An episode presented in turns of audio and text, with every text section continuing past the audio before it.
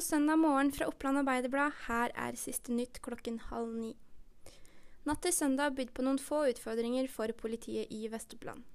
En person ble bortvist fra Dokka camping i forbindelse med et arrangement lørdag kveld, kunne politiet melde søndag morgen.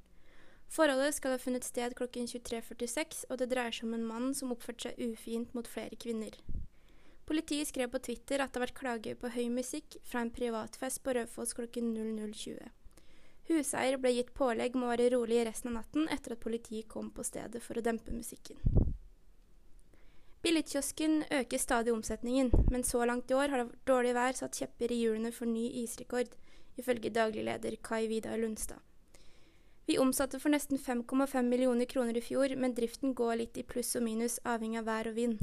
Slik er det innenfor vår bransje, sier Lundstad. Stigende temperaturer kan gi hetebølge i hele Norge neste uke, varsler meteorologer. Statsmeteorolog Siri Wiberg sier til NRK at varmen kommer fra og med tirsdag og onsdag. Varmen kommer innover Sør-Norge og brer seg nordover. Det blir helt sikkert over 30 grader, sier hun. Østland og Telemark vil trolig få de høyeste temperaturene. Flere steder er det varslet hele 30 grader, f.eks. i Trøndelag mot slutten av uken, skriver NTB.